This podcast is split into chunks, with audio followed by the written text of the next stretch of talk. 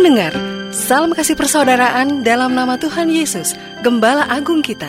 Saya Dina Virji membawakan ke ruang dengar Anda program renungan Voice of Yaski. Program kebenaran yang menguatkan dan menghiburkan untuk Anda memulai hari ini dengan takut akan Tuhan. Kali ini Voice of Yaski hadir bersama Pendeta Wilson Suwanto. Selamat menikmati berkat Tuhan. Saudara sekalian, sudah hampir satu tahun ini kita hidup dengan sebuah kebiasaan baru, yaitu kebiasaan menanti atau menunggu. Setiap kali kita bertemu dengan orang, pertanyaan yang sering muncul adalah kapan kita kembali normal? Berapa lama lagi kita harus menunggu? Kapan semuanya dibuka seperti biasa? Kapan kita bisa liburan? Kita mempunyai pertanyaan yang baru, kita mempunyai kebiasaan yang baru yang menjadi rutin yaitu menunggu dan menunggu atau menanti adalah sebuah pekerjaan yang kita umumnya tidak suka. Kita tidak suka antrian yang panjang ke mana pun kita pergi. Kalau kita mau makan di restoran, kita tidak suka yang antriannya terlalu panjang. Kita juga tidak suka pergi ke dokter sekalipun di jam-jam yang sibuk di mana antrian panjang, apalagi pada masa seperti ini. Kita memang tidak suka menunggu, tetapi dalam hidup ini segala yang baik, segala yang sehat memerlukan sikap sabar menunggu. Misalnya ada orang masuk rumah sakit, dia dirawat, tentu saja dia tidak sabar dan ingin segera pulang ketika dia merasa sudah oke. Okay. Tetapi Dokter mengatakan dia harus diobservasi, diamati, dan diawasi tiga hari ke depan. Sehingga dia harus menunggu tiga hari sebelum akhirnya dia diperbolehkan pulang. Demikian pula ketika kita mau berangkat naik pesawat, sering kali meskipun kita sudah duduk dalam pesawat, pesawat tidak langsung take off. Karena harus menunggu langitnya itu tempat take off-nya itu clear sehingga tidak bertabrakan dengan pesawat lain yang juga take off pada saat yang sama. Dan sebagai orang Kristen, bahkan menunggu itu adalah salah satu kunci menuju kekudusan hidup. Sebagai contoh, sepasang uh, pemuda-pemudi yang akan menikah tetapi belum menikah, mereka belum bisa hidup sebagai suami istri, belum bisa berbuat seperti suami istri. Mereka harus menunggu. Kalau mereka tidak menunggu, mereka melanggar perintah Tuhan. Mereka melanggar kesucian.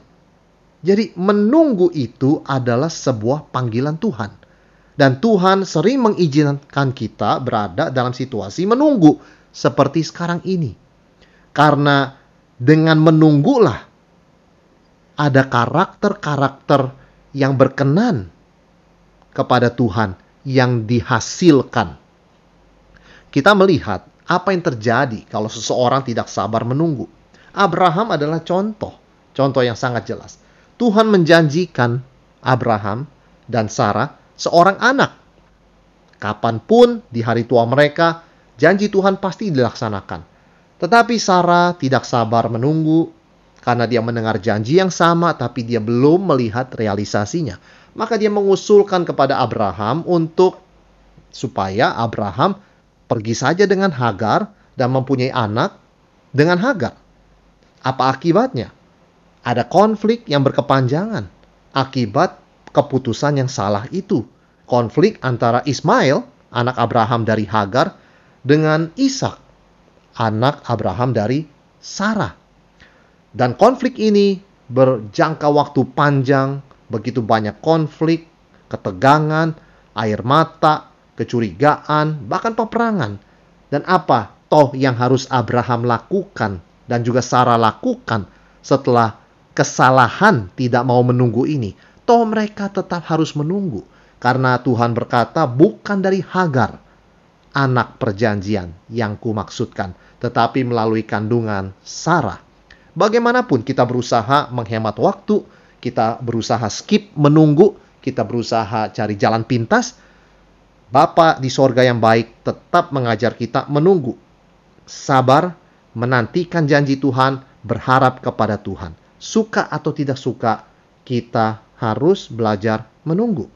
Tetapi ketika kita tidak sabar dan bertindak semau kita sendiri menurut waktu dan ketetapan kita, maka kita tahu pada akhirnya harus menunggu. Tetapi hanya dengan lebih sulit dan ada penyesalan mengapa kita melakukan jalan pintas sebelumnya. Misalnya ada seorang yang mengantri mau membayar uh, tol. Dia merasa antrian lima mobil itu cukup panjang, maka dia pergi pindah ke gerbang tol yang hanya ada satu mobil dan terjadi bahwa mobil itu ternyata tidak mempunyai saldo dalam kartu tolnya, sehingga dia harus mengisi lebih dahulu. Dan akhirnya dia menunggu lebih lama. Padahal dia maksudnya adalah menghemat waktu. Ini adalah satu gambaran bahwa di dalam hidup ini kita harus belajar menunggu, apalagi sebagai seorang anak Tuhan. Waktu Tuhan tidak bisa diburu-buru. Tuhan adalah Tuhan. Dia yang menetapkan segala sesuatu, dia menetapkan segala waktunya, dia yang menetapkan peristiwanya, dan dia tidak bisa diatur oleh agenda dan jadwal kita. Kita pun tidak bisa memaksa Tuhan mengikuti kemauan dan ketidaksabaran kita. Tuhanlah yang akan membuat kita lebih dewasa, lebih matang, dengan mengajar kita menunggu, membuat kita bertumbuh dari anak-anak menjadi dewasa. Dan menunggu ini adalah sesuatu yang Tuhan lakukan, Tuhan perintahkan supaya kita lakukan, sebetulnya untuk menguji kemurnian iman kita. Orang yang tidak sabar, kemudian berbuat apa yang dia mau, hanya karena dia belum melihat pengenapan janji Tuhan, terbukti dia tidak sungguh-sungguh. Dia bukan sungguh-sungguh menantikan Tuhan, dia hanya mau sesuatu yang enak yang dia bisa lihat dan dia nikmati. Tetapi seolah-olah dia menantikan Tuhan, padahal tidak. Itu sebabnya dia tidak sabar, tidak mau menunggu, mengambil jalan pintas, melawan perintah Tuhan. Sebaliknya ada orang yang tetap menantikan Tuhan dengan sabar, dan itulah orang yang sungguh-sungguh. Di dalam Alkitab, khususnya sering kali di dalam uh, musim Natal, kita melihat ada nama-nama yang disebut setelah peristiwa Natal yaitu Simeon dan Hana yang dicatat di dalam Lukas pasal 2 ayat ke-22. Dan ketika genap waktu pentahiran menurut hukum Taurat Musa, mereka membawa dia ke Yerusalem untuk menyerahkannya kepada Tuhan. Maria dan Yusuf membawa Yesus pada hari ke-8 sesuai dengan hukum Taurat untuk mendedikasikan dia di bait Allah. Dan Lukas 2 ayat 25 mencatat, adalah di Yerusalem seorang bernama Simeon. Ia seorang yang benar dan saleh yang menantikan penghiburan bagi Israel. Roh Kudus ada di atasnya. Dan pada hari itu dia melihat Yesus. Penantiannya berakhir, dia melihat dengan matanya sendiri juru selamat yang dijanjikan Allah sejak perjanjian lama. Maka dia berkata di dalam Lukas 2 ayat 29 setelah dia memegang bayi Yesus. Sekarang Tuhan, biarkanlah hambamu ini pergi dalam damai sejahtera sesuai dengan firman-Mu, sebab mataku telah melihat keselamatan yang dari padamu, yang telah engkau sediakan di hadapan segala bangsa, yaitu terang yang menjadi penyataan bagi bangsa-bangsa lain dan menjadi kemuliaan bagi umatmu Israel. Inilah tokoh yang penting di dalam peristiwa kelahiran Yesus, yaitu Simeon, seorang yang sudah lanjut usia, kemungkinan besar usianya kira-kira 113 tahun pada waktu itu dan dikatakan bahwa dia adalah seorang yang menantikan penggenapan janji Tuhan, menantikan pengharapan dari janji Tuhan. Kesabaran sering diasosiasikan dengan usia tua dan ketidaksabaran sering diasosiasikan dengan usia muda. Simeon berusia tua dan dia menanti dengan sabar. Apakah itu berarti kita yang belum setua Simeon atau yang kita yang masih merasa muda, kita tidak usah sabar atau tidak bisa sabar? Tidak. Karena di dalam Kristus tidak ada batasan usia. Siapa pun yang mempunyai Roh Kudus bisa menghasilkan buah kesabaran. Memang dunia ini meninggikan usia muda. Wah, masih muda. Dan tua itu dianggap negatif dan tidak menyenangkan. Tetapi Tuhan melihatnya berbeda. Tuhan tidak memandang usia, tetapi Tuhan melihat mereka yang menantikan Dia dengan sabar. Dan mata Tuhan tertuju kepada Simeon dan Hana yang ada di bait Allah ketika Yesus diserahkan. Siapa yang memandang orang-orang seperti ini? Secara manusia mereka tidak dipandang Simeon dan Hana. Mereka orang lanjut usia yang tidak lagi menarik seperti anak-anak muda lainnya, tetapi mata Tuhan melihatnya berbeda. Tuhan memandang mereka yang menantikan Dia, apa pun rupa mereka, berapapun usia mereka. Dan siapa yang Tuhan pandang, itu yang dia berkati. Dan hari itu Tuhan menggenapi janjinya kepada Simeon. Maka mata Simeon bisa melihat Yesus Kristus yang diserahkan ke bait Allah dalam usia 8 hari. Jadi siapa yang Tuhan pandang, itu yang Tuhan berkati. Dan siapa yang Tuhan pandang? Orang yang menantikan dia. Itu sebabnya kita ingat bahwa dalam hidup ini Tuhan mengajar kita menunggu menunggu dan menunggu, menanti. Tetapi penantian seorang Kristen bukanlah penantian yang pasif, bukanlah penantian yang menganggur dan tidak berbuat apa-apa.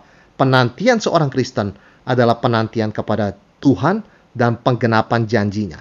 Dan semakin kita menanti, semakin kita dikuatkan karena kita tahu Allah tidak pernah berdusta, tidak bisa berdusta dan tidak mungkin mengingkari janjinya. Itu sebabnya dalam Ratapan 3 ayat 25 sampai 26 dicatat. Tuhan adalah baik bagi orang yang berharap kepadanya. Bagi jiwa yang mencari dia. Adalah baik menanti dengan diam. Pertolongan Tuhan. Dikatakan Tuhan adalah baik bagi orang yang menantikan dia. Yang menunggu dia. Yang berharap kepadanya. Bagi jiwa yang mencari dia. Adalah baik. It is good.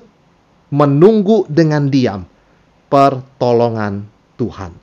Sementara kita masih pada masa-masa pandemi seperti sekarang ini, kita diingatkan oleh firman Tuhan untuk menantikan dengan sabar. Karena inilah yang Tuhan mau kita lakukan. Kita boleh bertanya, masih berapa lama lagi? Kita mungkin bertanya apa maksud Tuhan di balik krisis yang besar seperti sekarang ini. Tetapi ingat, kita tetap perlu menanti dengan sabar dan penantian ini sebagai orang Kristen tidak buang-buang waktu. Semua ini ada dalam rencana Tuhan.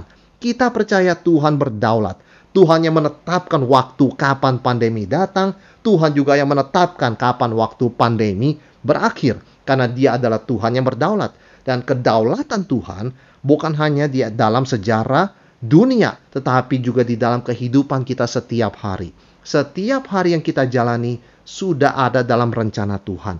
Itu sebabnya kita mau belajar menanti dengan sabar. Karena ingat, seluruh hidup kita bukanlah agenda pekerjaan dan proyek kita. Seluruh hidup kita adalah agenda, rencana, dan proyek pekerjaan Tuhan. Tuhan mempunyai rencana yang akan dia genapi di dalam kehidupan kita. Dan yang paling penting adalah setiap orang yang menantikan Tuhan seperti Simeon berfokus kepada Mesias, berfokus kepada Yesus Kristus. Karena hanya Tuhan Yesus yang bisa memberikan kepuasan dalam hidup kita. Itu sebabnya setelah Simeon menanti dengan sabar dan Tuhan memberkati penantiannya dengan dia bisa melihat bayi Yesus, maka dia berkata, Tuhan saya sudah puas dalam hidup ini, saya siap meninggalkan dunia ini karena mataku telah melihat keselamatan yang daripadamu. Karena itu saudara sekalian sebagai orang Kristen, kita belajar menantikan Tuhan dengan sabar. Kita tahu penantian ini bukan sebuah kecelakaan, bukan sebuah kebetulan, bukan sesuatu yang tidak ada dalam rencana Tuhan, melainkan merupakan bagian dari rencana Tuhan supaya saudara dan saya boleh menjadi orang yang lebih bertumbuh, lebih sabar, lebih dewasa, lebih matang, lebih serupa dengan Tuhan Yesus yang telah mengorbankan dirinya, lahir sebagai bayi, hidup sebagai hamba, mati di atas kayu salib, bangkit, naik ke sorga, terus bersiafat bagi kita, dan akan datang dari sana untuk membawa kita bersama dengan dia di kerajaan Bapa di sorga. Biarlah setiap kita boleh menjadi anak-anak Tuhan yang menantikan dengan sabar. Karena mereka yang menantikan Tuhan tidak akan pernah dikecewakan. Mereka tidak akan pernah ada penyesalan dalam hidup ini. Melainkan mereka akan beroleh sukacita, damai, dan kepuasan yang sejati.